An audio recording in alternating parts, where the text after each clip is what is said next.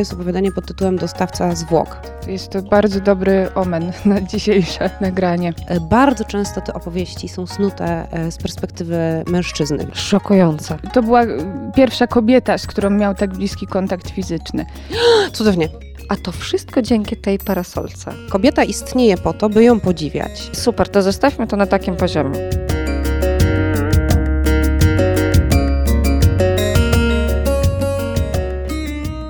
Dzień dobry. Witamy w lutowym, zimowym odcinku Bełkotu Literackiego, który pozwolę sobie zatytułować do trzech razy sztuka, gdyż dzisiaj trzeci raz spotykamy się, próbując porozmawiać o pewnym japońskim nobliście. Są ze mną Jana Karpienko Dzień dobry, cześć. i Agata Sibilek. Cześć, dzień dobry. Odwrócę, a co? Jak widać, zima, luty, choroby i inne trudności nie sprzyjają, ale bardzo się cieszę, że się dzisiaj spotykamy. I powiem może najpierw dwa słowa, bo to jest pierwszy raz, kiedy w Bełkocie będziemy rozmawiać o książce japońskiej. Od razu będziemy rozmawiać o książce laureata Nagrody Nobla Literackiej z 1968 roku, która nazywa się Yasunari Kawabata. W, książ- w Polsce można przeczytać e, dosyć sporo nawet jego książek. E, Ukazują się od lat 60., jeszcze przed Noblem, e, między innymi Kraina Śniegu czy Głos Góry, a my porozmawiamy o nowym wyborze opowiadań Tancerka z Izu. To ja zadam pytanie na sam początek.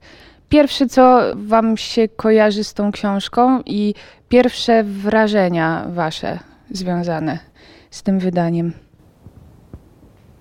Mi się kojarzy oczywiście deszczowe Japonia, czyli jakaś odległa przestrzeń, e, którą bardzo niełatwo jest zrozumieć, która jest namalowana zupełnie inaczej, inną kreską niż to, do czego jesteśmy przyzwyczajeni i która jest wilgotna, bo tam albo pada, albo jest mrzawka, albo mgła. I która jest też odległa w czasie, ale ta odległość i w przestrzeni, w czasie, ona jest taka jakaś połączona, czyli widzimy to trochę przez sen, takie senne wrażenie, senna impresja. Coś takiego widzę w swojej głowie.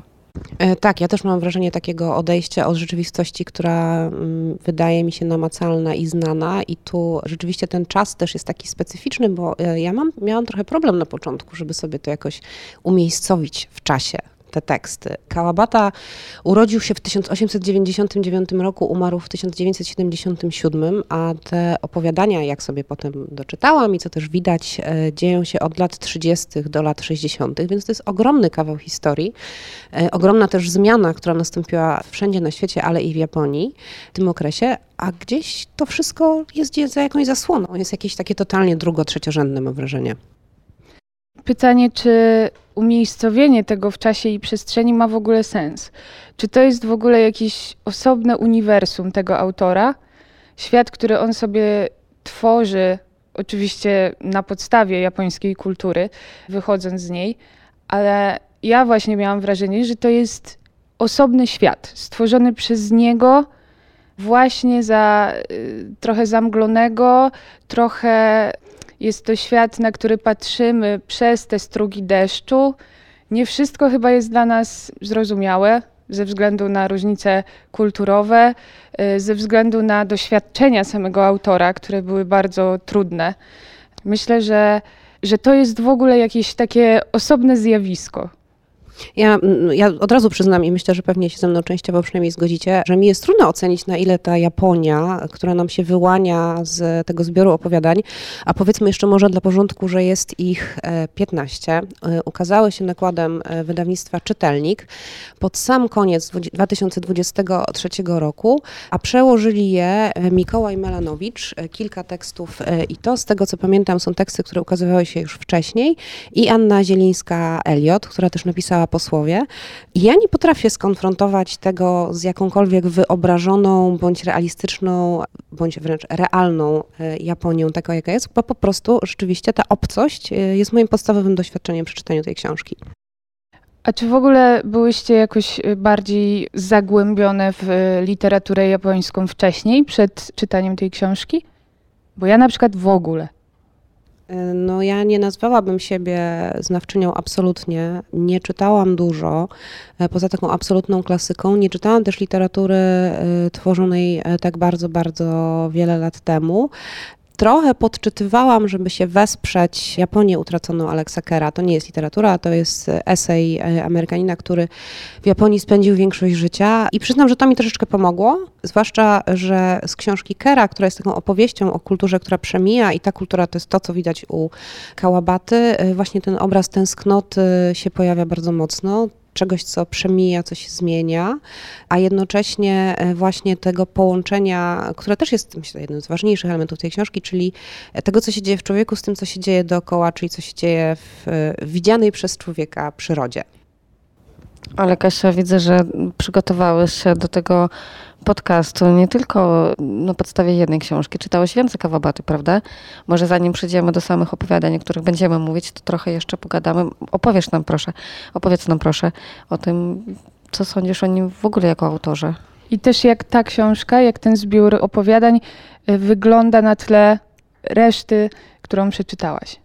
Dobrze, to ja nie jestem aż do tak analizy krytycznej przygotowana, ale mogę e, zdecydowanie te książki polecić i myślę, że to, co mi się mm, wyłania z lektury, bo przeczytałam trzy książki. Przeczytałam Krainę Śniegu, to jest e, króciutka e, opowieść o pewnym zamożnym Tokijczyku, który zakochuje się w gejszy żyjącej w zimowych górskich kurortach.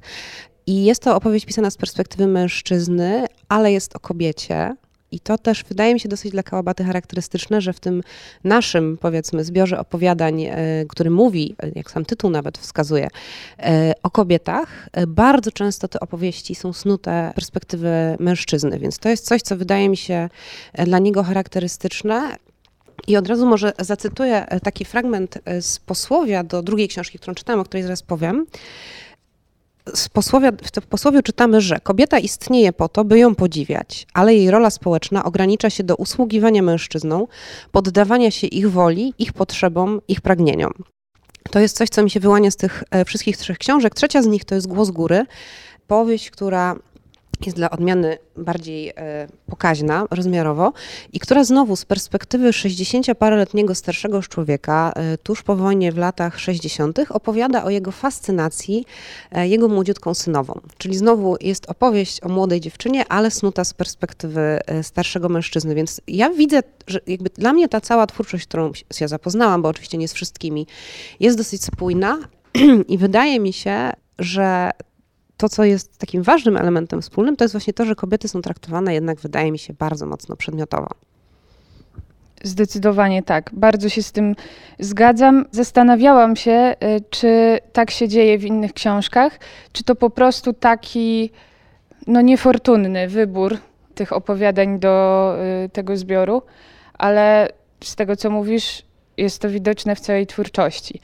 Więc trochę mi smutno. Ale z drugiej strony, i ty się doktoryzowałaś z autora, ja się doktoryzowałam z Japonii i mam wrażenie, że jest to bardzo silny element japońskiej kultury. Właśnie ta różnica, stale podkreślana różnica między kobietami a mężczyznami. Nawet y, w jednej z książek przeczytałam, że pod względem językowym to się różni, że kobiety mówią to za, y, jakby mówią o sobie za pomocą słów, które są miłe, raz, że mówią to miłym głosem, to jeszcze te słowa same w sobie mile brzmią, w miły sposób po prostu, a mężczyźni zazwyczaj mówią o sobie bardziej gardłowo, bardziej zdecydowanie, co też odzwierciedla ich pozycję w społeczeństwie. To było dla mnie bardzo ciekawe. I pytanie, czy my jesteśmy to w stanie z naszej perspektywy środkowoeuropejskiej zrozumieć i czy powinniśmy to popierać, czy może jednak się temu sprzeciwiać? Wydaje mi się, że oczywiście nie jest to już dla nas taki bliski obraz świata. Pamiętajmy, że te opowiadanie było napisane niemal 100 lat temu, oczywiście troszkę mniej, ale i tak to jest czas odległy. Jest to odległa przestrzeń, inna kultura, bardziej tradycyjna niż ta nasza teraźniejsza zachodnia. Oczywiście mówię to tutaj w oparciu o pewne stereotypy, bo nie jestem aż taką, nie, nie, nie tak dobrze znam Japonię, chociaż ona mnie strasznie fascynuje. Chciałabym tam kiedyś pojechać i zobaczyć to wszystko na własne oczy.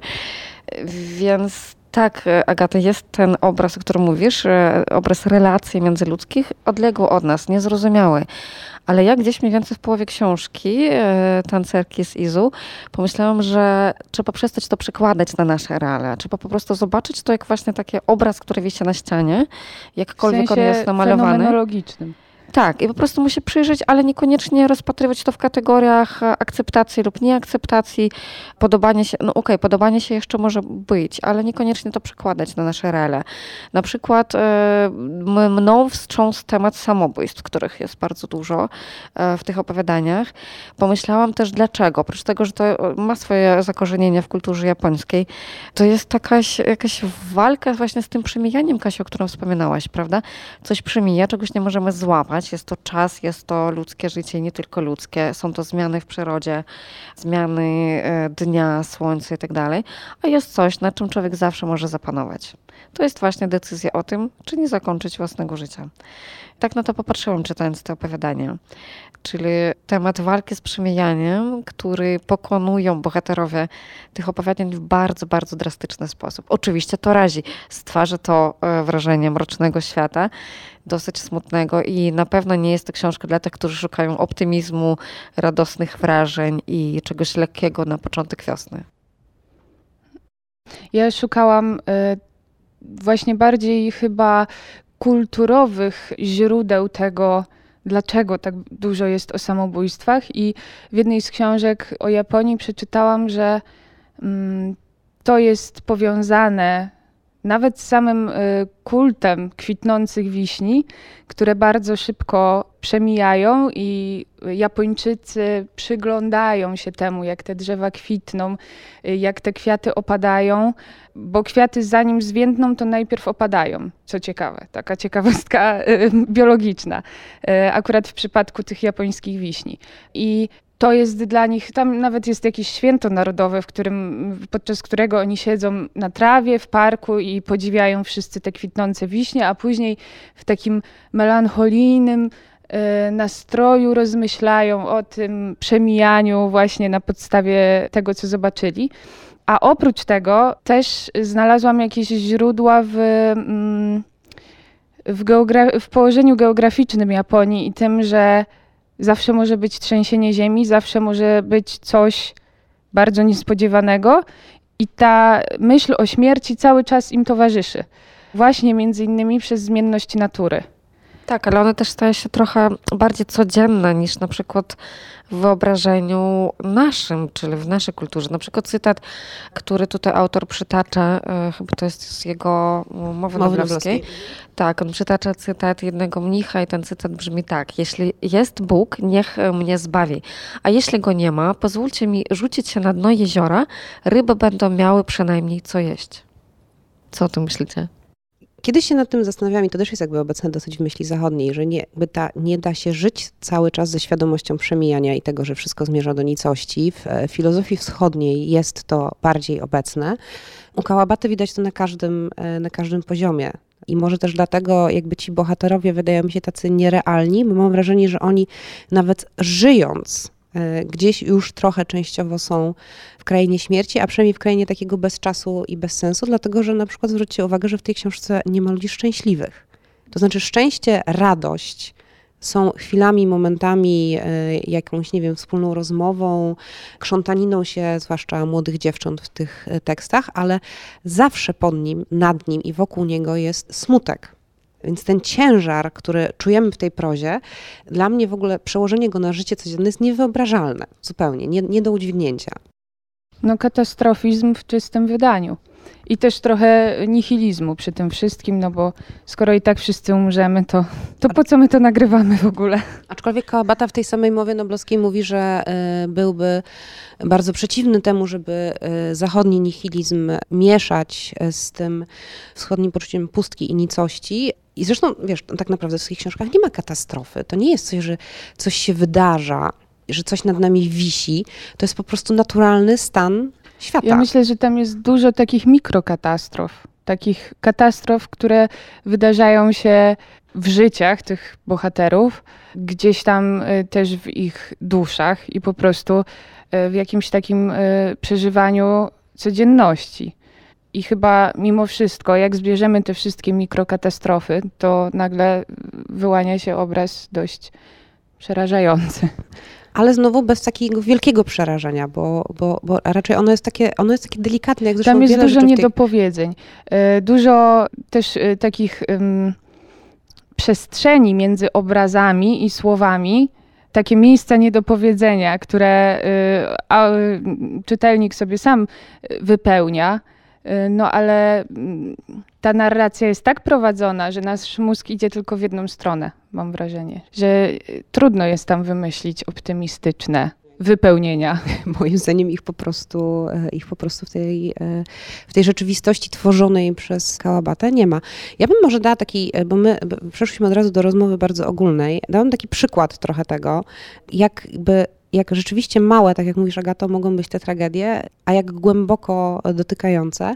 E, Jeden z tekstów, który e, zrobił we mnie największe wrażenie, e, to jest opowiadanie pod tytułem Dostawca zwłok. Totalnie tak, ja też się z tym zgadzam. Szokujące. I to jest opowieść o dwojgu ludziach, którzy nigdy się nie spotkali. To znaczy, młody chłopak wynajmuje pokój e, na spółkę z młodą dziewczyną. Ona korzysta z niego w nocy, gdyż pracuje jako konduktorka, on w ciągu dnia. I gdzieś tam się pojawia, że przelotne spotkanie, kiedy on widzi ją prawdopodobnie, ale nie możemy być, dopiero potem się okazuje, że to jest ona, spotykają się dopiero po śmierci. Ta dziewczyna umiera, on nie decyduje się na to, żeby spotkać się z nią przed jej śmiercią. Jedyny kontakt, który z nią ma, jest e, poprzez jej zwłoki, którymi zostaje w jakiś sposób obarczony, czy bierze na siebie ciężar załatwienia pochówku, e, a ponieważ nie ma e, pieniędzy, to te zwłoki sprzedaje swojemu znajomemu e, do prosektorium, żeby studenci mogli się uczyć na nich anatomii.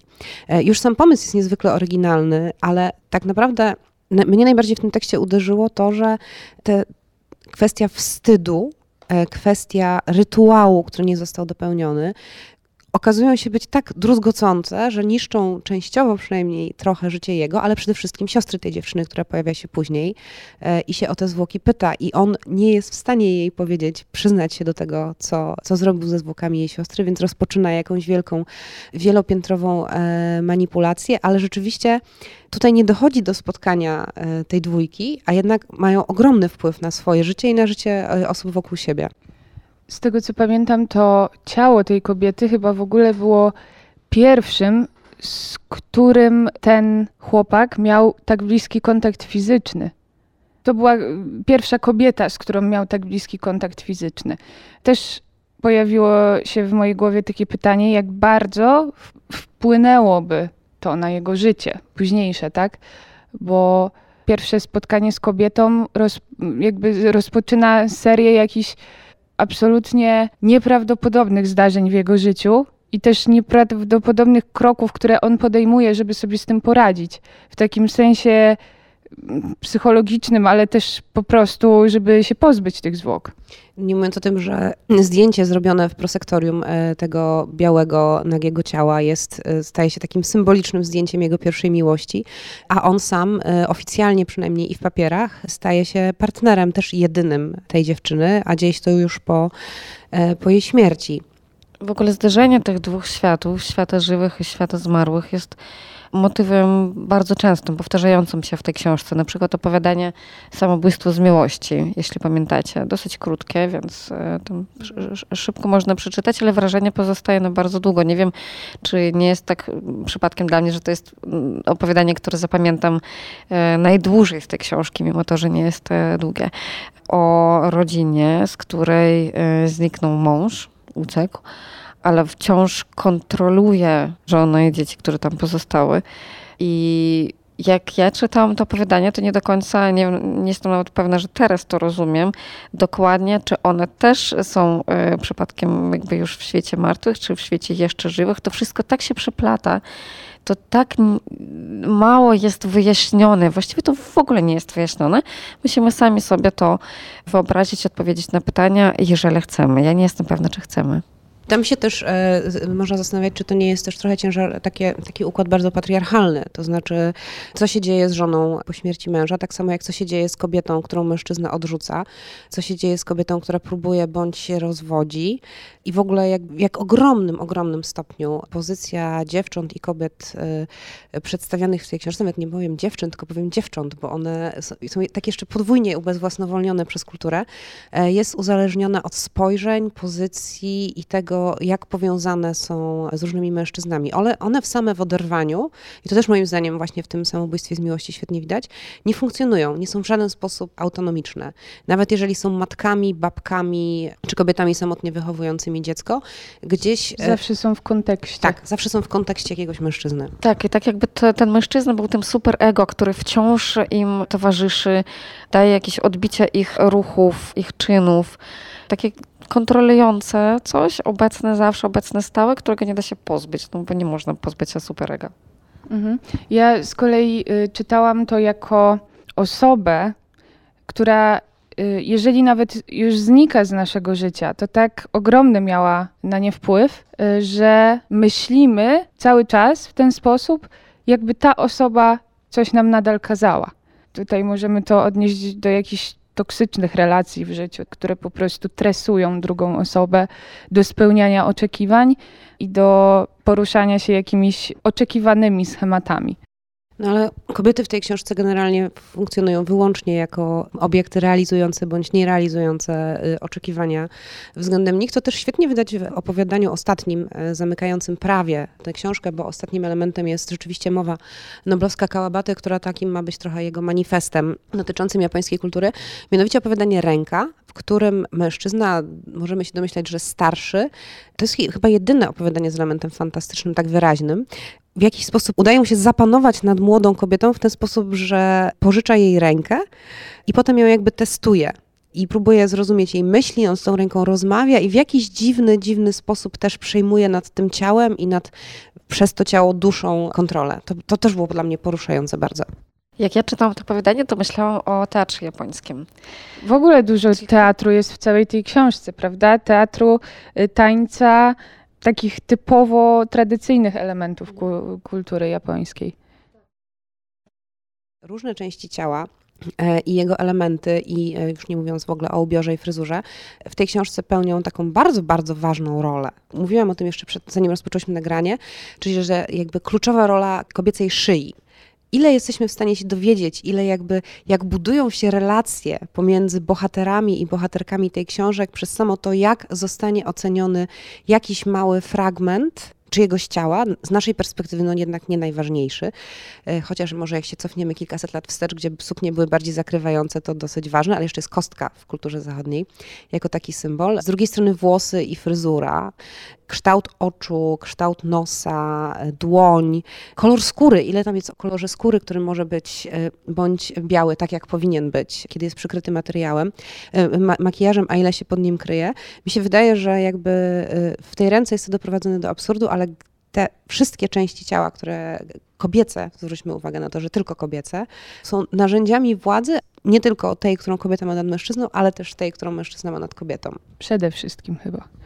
Przede wszystkim, aczkolwiek no wiadomo, że jeżeli jakiś bohater czuje słabość do jakiejś bohaterki, teraz musicie mi wybaczyć, bo mi się już wszystkie książki mieszają, więc nie wiem, czy to było akurat w opowiadaniu, czy w którejś z powieści, więc te słabości też nie biorą się z tego, że on z nią rozmawia i mówi sobie, świetna dziewczyna, chciałbym z nią spędzić więcej czasu, tylko raczej z tego, że patrzy właśnie na to, jak się kłania, jak ma ułożone włosy, jaka za tym się kryje wielka symbolika, czy to jest fryzura bardziej wiejska, bardziej dziewczęca, bardziej dojrzała i tym właśnie symbolicznym kawałku szyi, który może go porwać i sprawić, że poświęci jej czas albo zmieni jej życie, albo nie.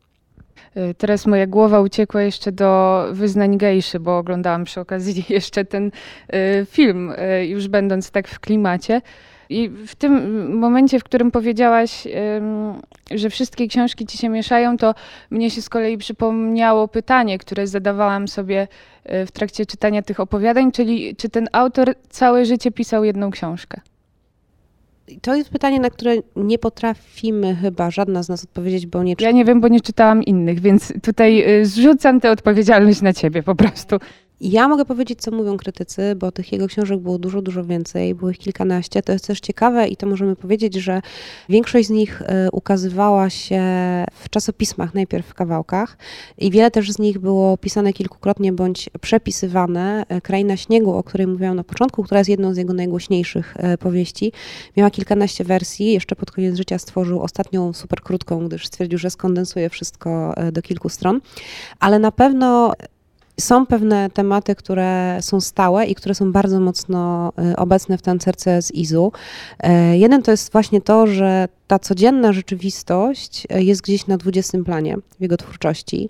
Dużo bardziej skupia się na mm, symbolice i na relacji człowieka z naturą. Nawet jeżeli ona też się zmienia, to jednak za jego czasów, przynajmniej tak z tego co czytałam i co widzę w tej książce, była absolutnie kluczowa dla zrozumienia i pewnego cyklu życia i relacji między ludźmi i na pewno to, że kobiety pełnią niezwykle ważną w tych książkach rolę, nawet jeżeli nie są samodzielnymi postaciami. Te codzienne wydarzenia faktycznie albo są odrzucane, odstawione, albo nabierają symbolicznego znaczenia jak to bywa z ceremoniami herbacianymi na przykład, prawda? Kiedy skupiamy się na tej czynności, która dla nas w kulturze zachodniej jest codzienna i zwykła, ale tam przebiega zgodnie z rytuałem i nabiera e, już innych walorów i pokazuje nam inne warstwy tego wszystkiego. Popatrzcie na przykład na opowiadania Parasolka zwykła, jakby nam by się wydawało zwykła, wizyta u fotografa odmienia życia bohaterów, dwójki młodych ludzi. I tutaj nawet autor, nie wiem dlaczego, ale wprost nam to wyjaśnia. W ostatnim akapicie mówi, że bohaterzy, bohaterowie już nie są tacy, jak e, byli. Ta wizyta ich odmieniła i zakończenie było dla mnie też bardzo ciekawe. Takie dosyć wprost i toporne. Zastanawiam się dlaczego. A to wszystko dzięki tej parasolce. Nie będę mówić, dlaczego parasolka tutaj odgrywa główną rolę. Zachęcam oczywiście do, do przeczytania. Mamy świat ludzi, mamy świat przedmiotów, tutaj w tym przypadku jednego przedmiotu, który jest bardzo prostym symbolem i, i nie ma tutaj bardzo skomplikowanych innych sensów. I jest wizyta u fotografa. Ten, to opowiadanie składa się faktycznie dla mnie z takich trzech elementów i sami musimy sobie do tego dobudować narrację jakąś dodatkową, bo to wszystko, co się dzieje, opisuje się bardzo, bardzo prostym językiem. W ogóle język tego autora to też kolejny temat, który mi się wydaje jest wart uwagi, bo on, on nie jest skomplikowany, on jest dosyć prosty. Rozbudowana jest warstwa związana z przyrodą faktycznie, z tymi wszystkimi odcieniami zielonego, również skóry, jeżeli gdzieś jakiś cień pada na skórę i ona już nie jest taka biała, jaka się wspominałaś, tylko bardziej szara, zielona i tak dalej. Więc kolory, przyroda tak, natomiast świat przedmiotów jest moim zdaniem bardzo prosty jest taki minimalistyczny, to prawda. Zresztą on sam o tym e, mówi, pisze i też krytycy wspominają, że on trochę dąży w stronę haiku, czyli... E, no chciałam to powiedzieć. To mów, mów, bo ja już skończyłam, proszę tyle mogę pani, powiedzieć. Proszę pani, proszę plusa. Miałam to zapisane, mogę pokazać. Mam no, nie, możesz przeczytać. nie, no y, wniosek był taki, że właśnie puenty tych opowiadań są takie ala haiku właśnie. Mimo tego, że to jest narracja rozbudowana, to ta kropka stawiana na y, końcu jest czymś, co wywraca to opowiadanie do góry nogami, w ogóle nadaje mu inny sens. I wtedy wydaje mi się, że trudno jest czytać tę książkę ciągiem od deski do deski, bo nad tym każdym opowiadaniem trzeba się zastanowić, bo te ostatnie słowa, tak jak mówię, nadają jakiegoś innego wymiaru i trzeba przeskanować to y, opowiadanie znów od początku pamiętając o tym, jak ono się kończy. Tak, to się zgodzę, że ja, y, że rzeczywiście każde z nich jest troszeczkę inne i po każdym można, jakby rzeczywiście jest o czym myśleć. I tu, I tu jeszcze może o jednym tylko powiem, które też jest niezbyt długie i nazywa się Kochanka ubogich które też mnie jakoś tak zupełnie wytrąciły. Potem musiałam sobie zrobić przerwę w lekturze o kobiecie, która związała się z różnymi mężczyznami. E, każdemu przewidywała, że odniesie w życiu jakiś sukces. Oni wszyscy te sukcesy odnosili, a ona zostawała z niczym i na końcu e, umarła. A tu zaskoczenie. W tej książce, prawda?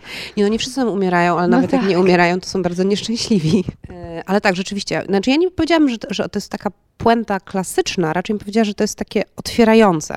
To znaczy, że nie masz poczucia e, po przeczytaniu nawet całej historii, że ona jest w jakikolwiek sposób zamknięta, ponieważ pozostaje, jakby otwiera okno na cały drugi świat możliwości interpretacji, e, który sprawia, że ten tekst bardzo, bardzo mocno z tobą zostaje. Ja miałam takie wrażenie. To w pełni się zgodzę. Otwarcie na nowy świat, na nową interpretację i na nowe, możliwe nowe losy bohaterów. Nawet tych, którzy nie żyją, żeby była jasność. Albo po prostu takie pytanie, o co w tym chodzi? Bo być może żyją dopiero ci, którzy nie żyją. Bo to życie za może, życie Tak. Wygląda tak, że niekoniecznie jest interesujące. A poza tym tak naprawdę nigdy do końca nie możemy być pewni i to też świetnie widać w opowiadaniu przedostatnim znowu w książce Zatoka Łuku, co tak naprawdę się wydarza, a co wydarza się tylko w głowach e, bohaterek, bohaterów.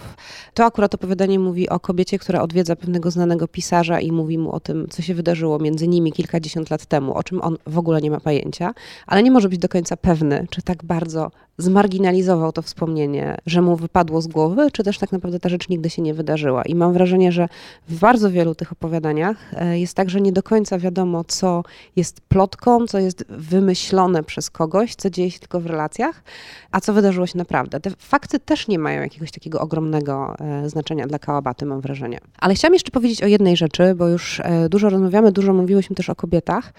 Czy wy też miałyście takie wrażenie, bo mnie też uderzyło ogromne okrucieństwo relacji pomiędzy samymi kobietami, zwłaszcza młodymi kobietami. Mamy dwa takie dłuższe opowiadania. Jedno dotyczy gejsz i sprzątaczek w pewnym pensjonacie, a drugie dotyczy trupy młodych tancerek. I one są wokół, wobec siebie tak okrutne, tak bezlitosne, e, pozbawione współczucia. To dla mnie bardzo kontrastuje z tym, o czym mówiłyśmy dotąd, czyli tą łagodnością, e, melancholią, zapatrzeniem e, w naturę, bo tu mam wrażenie, że toczy się prawdziwa wojna. Punkt pierwszy na, w moich notatkach. Odczytam. Kobiety względem siebie są nawzajem, też są raczej podłe, a przejawy dobroci nigdy nie są do końca szczere. Takie wrażenie miałam też y, przy tym opowiadaniu. Ja bardzo jestem słaba w tytuły, więc nie powiem, jaki to był tytuł opowiadania, może wam się przypomni. Kiedy, to y, chyba o tym mówiłaś, kiedy kobieta opowiadała mężczyźnie y, historię z dawnych lat, ona umarła, i została jej córka, którą ten mężczyzna się zaopiekował. Nie, to jest inne opowiadanie akurat, ale A tak. to, to mieszam. W każdym razie była jakaś taka hi- I oni wydają ją historia. za mąż. Y, tak, ale ten mężczyzna jakby zaczyna trochę się opiekować tą córką zmarłej kobiety. Trochę by chciał, trochę nie wie, a jego, jego żona najpierw jest przeciwna, później mówi, że no dobra, zaopiekujmy się nią. Później mówi bardzo okrutne rzeczy tej dziewczynce, a jak mąż ją upomina, to ona mówi, no przecież swojemu dziecku bym tego nie powiedziała. Tak, to prawda. To, to, to, to jest też taki świetny przykład e, bohaterka tego opowiadania takiej totalnej beznadziei. Tego, że te młode kobiety i wiele z nich w, w tej książce i, i też w innych jego książkach są całkowicie właśnie skazane na łaskę i, i niełaskę, ponieważ same, bez, ja już też o tym wspominałam wcześniej, same z siebie nie znaczą nic. Dopiero to, kto się nimi opiekuje, y, jakoś wyznacza ich pozycję, a jednocześnie te osoby mogą w całości i absolutnie decydować o ich życiu. Ale teraz sobie pomyślałam, że my tak naprawdę nie wiemy. Oczywiście już ustaliłyśmy, że nie jesteśmy w stanie do końca odnieść opowiadań Kałabaty do rzeczywistości japońskiej, ale ja się zastanawiam, na ile to w jego głowie, w jego mężczyzny głowie kobiety tak rywalizują ze sobą i tak się nie wspierają, za wszelką cenę dążąc do tego, żeby zdobyć przychylność mężczyzn, czy rzeczywiście tak było, czy dalej jest w tych kobiecych wspólnotach, bo to się wydaje aż niewyobrażalne. Mężczyźni są melancholijni, pełni współczucia i zachwytu pięknem, a kobiety w tych kilku przynajmniej tekstach mogłyby sobie wydrapać oczy e, po to, żeby zdobyć wyższą pozycję. Nie wiem, na ile to jest oko autora. Nie wiem, czy będę w stanie popatrzeć na to z punktu widzenia psychologii, ale jeżeli w jednym typie relacji człowiek, kobieta jest uległa, miła i próbuje dogodzić i tak dalej, no to w innym typie relacji musi powalczyć, prawda, żeby zrealizować drugą część swojej natury, swojego charakteru. Tak to widzę. Może tak, rzeczywiście, że trzeba w którymś momencie walczyć o swoje no i w jakiś sposób jednak e, budować siebie w oderwaniu od mężczyzn, jeśli to w ogóle jest możliwe, a w tych tekstach, z tych tekstów wynika, że chyba nie do końca. Ale ty notujesz może, bardzo, Agata. Może to fantazja y, autora na temat tego, że o mężczyzn się walczy że kobiety muszą, e, jakby nie, nie, pójdę w potocyzmy, że ci mężczyźni są tak wspaniałym towarem, że trzeba o niego walczyć. Wiesz co, nawet chyba nie musi być jego fantazja, no bo z, całych, e, z całej tej rzeczywistości, którą on buduje w swoich tekstach, to wynika, że mężczyźni są tym wspaniałym i najważniejszym towarem i musisz o nich walczyć, ponieważ bez nich nie jesteś w stanie zaistnieć ale też, ponieważ zawsze widzimy te kobiety wyłącznie praktycznie z męskiej perspektywy, to nie możemy mieć na 100% pewności, jak ta walka przebiega, jak wygląda i o co tak naprawdę kobietom chodzi. Dobrze, to czy jeszcze jest coś, o czym powinnyśmy w kontekście tych opowiadań porozmawiać? Ja bym y, chciała zapytać Was o odbiór dialogów. Jak myślicie o tym, jak one były tworzone i budowane? Co wnosiły do tych tekstów w ogóle? A myślę, że one mają jakąś szczególną rolę i, i różnią się od opisów, na przykład przyrody czy wydarzeń? Czy, czy ja myślę, czy się różnią? Bo dla mnie one Właśnie... dokładnie wkomponowują się w to mhm. wszystko, dopełniają to, co się dzieje jakby poza opowiadaniem, e, poza dialogami, więc nie wyróżniłabym specjalnie tych fragmentów w tekście. Mhm. To ja się z kolei zastanawiałam, jakie one miały sens i że czy takie rozmowy mogłyby zaistnieć w ogóle między ludźmi. Bo tutaj znów jest ten element abstrakcji, o którym mówimy tak naprawdę od samego początku. Ale kilka razy się zastanawiałam, że ludzie, tak ludzie rozmawiają? To jest możliwe? Rozmawiali tak kiedyś? No to jest ciekawe, ja nie patrzyłam na to w ten sposób, ale rzeczywiście jest jedno opowiadanie, w którym to bardzo zwróciło moją uwagę. Nie wiem, czy pamiętacie e, opowiadanie o młodym chłopcu, który obserwuje trzęsienie ziemi i wychodzi do niego na ganek e, jakaś tam przyjaciółka rodziny, raptem kilka lat starsza od niego i mówi mu o tym, że wychodzi za mąż. I tak naprawdę ich dialog jest totalnie sztuczny, e, nic się w nim nie dzieje. Natomiast co się dzieje poza tym dialogiem, co się dzieje w głowie tego młodego człowieka, to jest tajfun wręcz. Więc e, mi ta sztuczność, nawet jeżeli ją widziałam w kilku miejscach, nie przeszkadzała. Mam wrażenie, że ona się rzeczywiście wpasowuje w to wszystko, co on chce nie dopowiedzieć, a przekazać. Albo kontrastuje z tym, co się dzieje wewnątrz i na zewnątrz, prawda? Ale tak, moje spostrzeżenie było takie, że czasami te dialogi są absolutnie jakieś oderwane od rzeczywistości, nawet tej przedstawionej w książce. No mi się wydaje też, że pewnie nie wszystko można było sobie powiedzieć, no bo bardzo niewiele pytań o pozycję społeczną, o, o marzenia, oczekiwania, potrzeby y, zadawanych jest w tej książce wprost. Praktycznie nie są zadawane wprost. Trzeba się czegoś domyślić albo jakoś sprytnie obejść sytuację, żeby dotrzeć do prawdy. Dużo rzeczy się dzieje w ukryciu.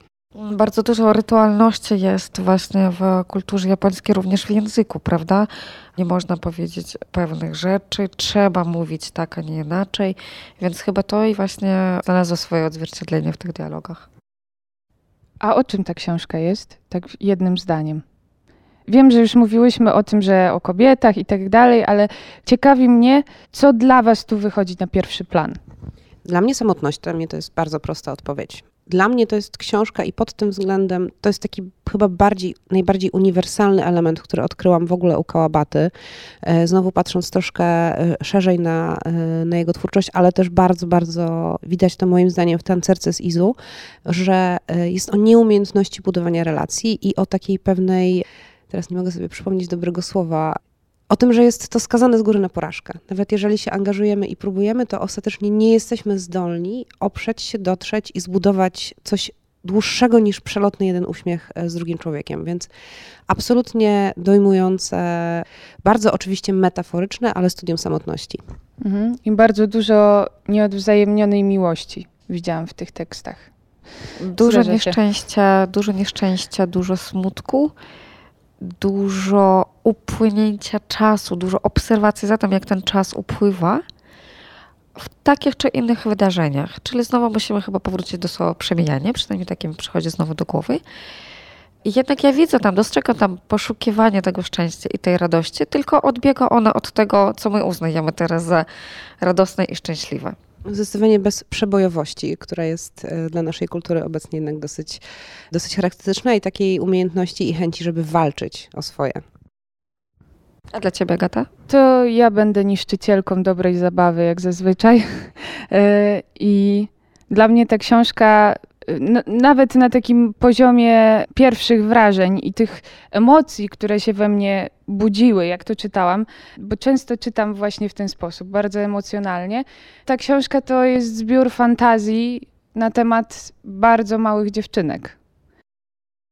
ale to też, to ja się zgadzam, tak, tak. Bardzo wiele było momentów w tej książce, gdzie po prostu ciarki mnie przechodziły, wydawałam dźwięki obrzydzenia i musiałam odłożyć tę książkę na dłużej.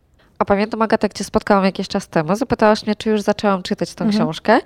A ja zapytałam jeszcze nie, a co? A to mówisz, że no to, że będziesz ją czytać bardzo długo, bo jest bardzo smutna. I faktycznie tak było, że musiałam sobie no, jedno opowiadanie dziennie maksymalnie czytać. Tak. Po prostu nie chciała mi się więcej, nie potrzebowałam więcej i chciałam zostać przy tym jednym fragmencie, który, przy, tym, przy tym jednym wrażeniu, które dostałam. A jak było u was? Nie, no ja już o tym mówiłam, że po każdym tekście musiałam robić sobie praktycznie przerwę. To ja podeszłam bardzo ambitnie do sprawy, bo się rzuciłam na tę książkę i mówię, będę ją czytać teraz w każdej wolnej chwili. Otóż nie, książka nie chciała być czytana w każdej wolnej chwili.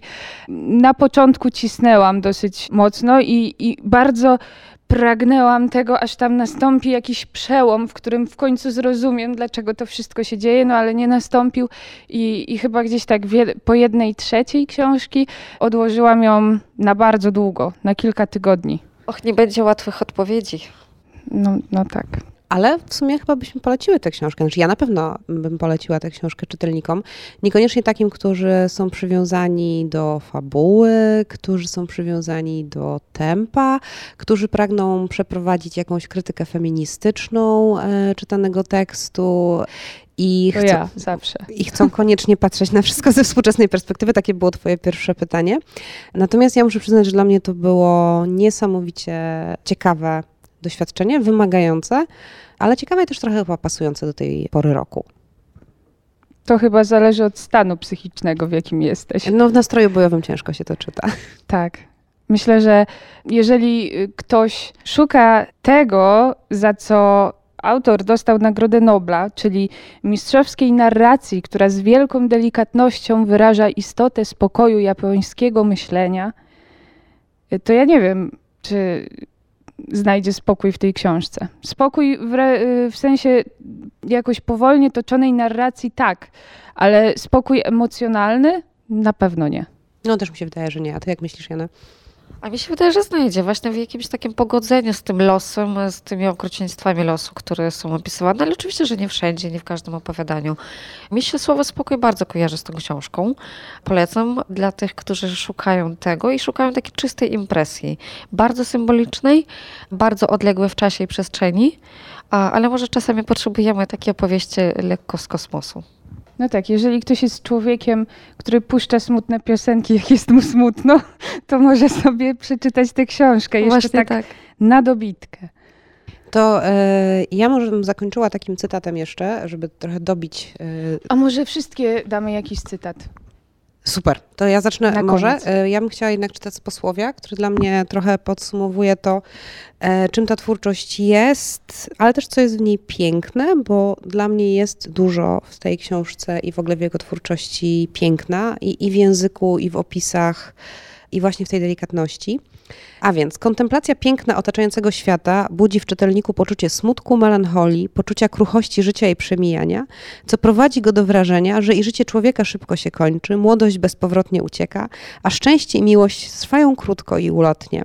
Wszystko to określa stare pojęcie artystyczne wywodzące się jeszcze z epoki Heian, japońskiej starożytności, a określenie, określane nieprzetłumaczalnym zwrotem monono aware, czyli ulotność i przemijalność rzeczy.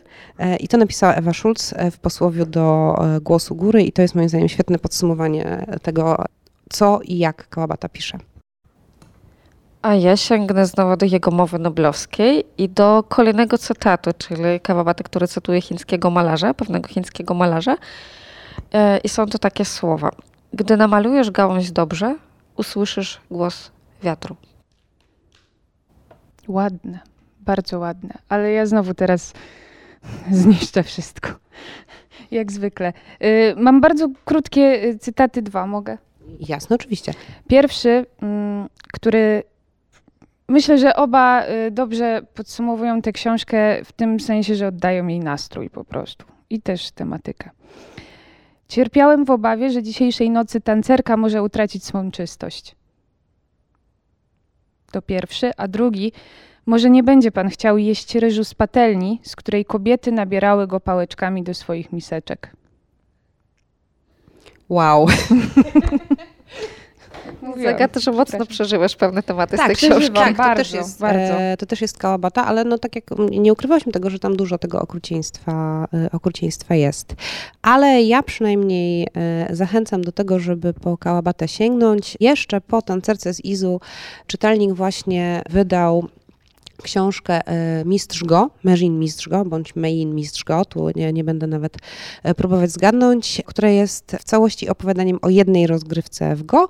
Kałabata napisał też książkę, która jest w całości opowieścią o jednej ceremonii przygotowywania i picia herbaty i podobno też tam się bardzo dużo dzieje, a jednocześnie chciałam od razu zaprosić na kolejny bełkot, w którym stały skład, czyli Agata, Emilia i Waldek będą mówić o literaturze niejapońskiej. Bardzo Wam dziękuję za dzisiaj. Dziękujemy bardzo. Dziękuję po japońsku, arigato.